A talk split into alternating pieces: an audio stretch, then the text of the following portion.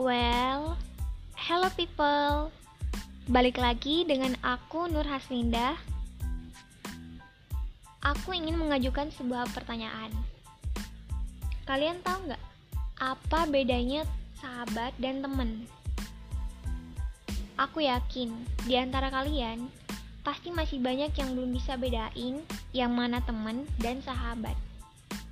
Oke, di episode kali ini aku ingin menjelaskan sedikit tentang lima tanda kamu dan temenmu udah bisa disebut sahabat, bukan hanya sekedar kata-kata.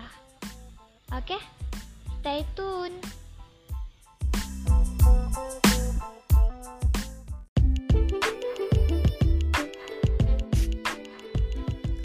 Memiliki sahabat baik, ibarat anugerah yang gak ada duanya. Kamu bisa berbagi apa saja, mulai dari kebahagiaan sampai kesedihan. Kamu menemukan tempat untuk mencurahkan segala isi hati tanpa takut dia akan menolak atau meninggalkanmu setelahnya.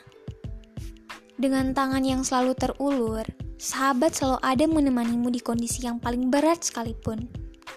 Walau dalam tubuh kalian tidak mengalir darah yang sama, toh faktanya kalian sudah seperti keluarga.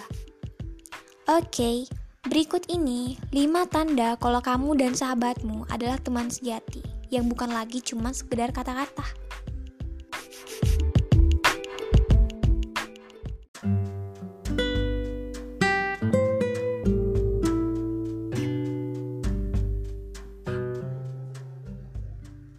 Pertama, seorang sahabat dapat saling memahami bahkan lewat gerakan tubuh yang sederhana. Semua hal yang bisa diungkapkan dengan kata-kata. Ada kalanya semua terasa berat sampai mulut gak sanggup terucap. Tapi, kamu dan sahabatmu tetap saling mengerti hanya lewat gerakan tubuh yang sederhana. Entah itu senang atau sedih, kamu mengerti apa yang dirasakan sahabatmu dengan melihat sorot matanya.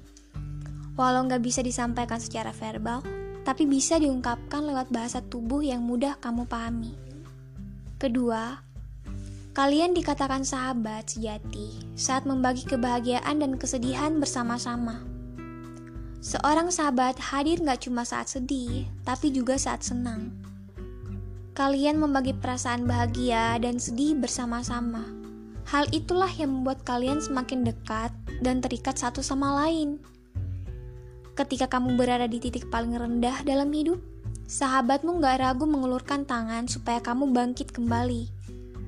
Begitupun sebaliknya, saat dia senang, kamu turut merasa bahagia untuknya. Ketiga, bertengkar itu biasa, tapi siapa yang berani memaafkan duluan baru teman yang juara.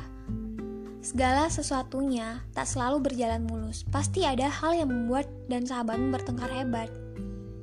Perasaan kesal dan marah adalah wajar dan kamu gak bisa menyembunyikannya. Tapi, kamu berusaha menekan ego untuk gak mendahulukan emosi. Kalian juga sadar kalau semua akan bertambah buruk jika saling keras kepala. Mengabaikan semua gengsi, akhirnya kalian berani meminta maaf. Bukan tentang siapa yang salah, tapi karena persahabatan kalian terlalu berharga kalau harus rusak karena sebuah pertengkaran. Keempat, sahabat bisa mengerti batas-batas yang gak boleh dilanggar untuk menjaga perasaan agar tidak terluka. Setiap orang punya sisi sensitif dan kepekaan yang berbeda. Itu juga terjadi saat sedang bercanda. Tanpa sadar, kita sering melontarkan jokes yang bikin orang jadi tersinggung. Alih-alih mau marah, malah dibilang gak boleh gampang baper. Seorang sahabat yang baik gak akan melewati batas supaya gak menyinggung perasaan teman, apalagi pakai dalih cuma bercanda. Ia bisa mengontrol dirinya untuk tidak mengatakan sesuatu yang akan melukaimu. Dia gak akan berlindung dengan kalimat jangan baper sebagai tameng saat kamu tersinggung. Seorang sahabat yang baik harus bisa menghargai perasaanmu. Dan yang terakhir, di dunia ini, gak ada yang sempurna, tapi nyatanya kalian tetap saling melengkapi untuk bahagia. Semua memiliki kekurangannya masing-masing. Kamu dan sahabatmu juga menyadarinya saat kalian bersama. ketidaksempurnaan itu pun akan tertutup. Persahabatan buat kalian tidak membutuhkan kata sempurna untuk bisa bahagia. Dengan saling mengasihi dan melengkapi, kalian mampu melewati semua kesulitan yang ada.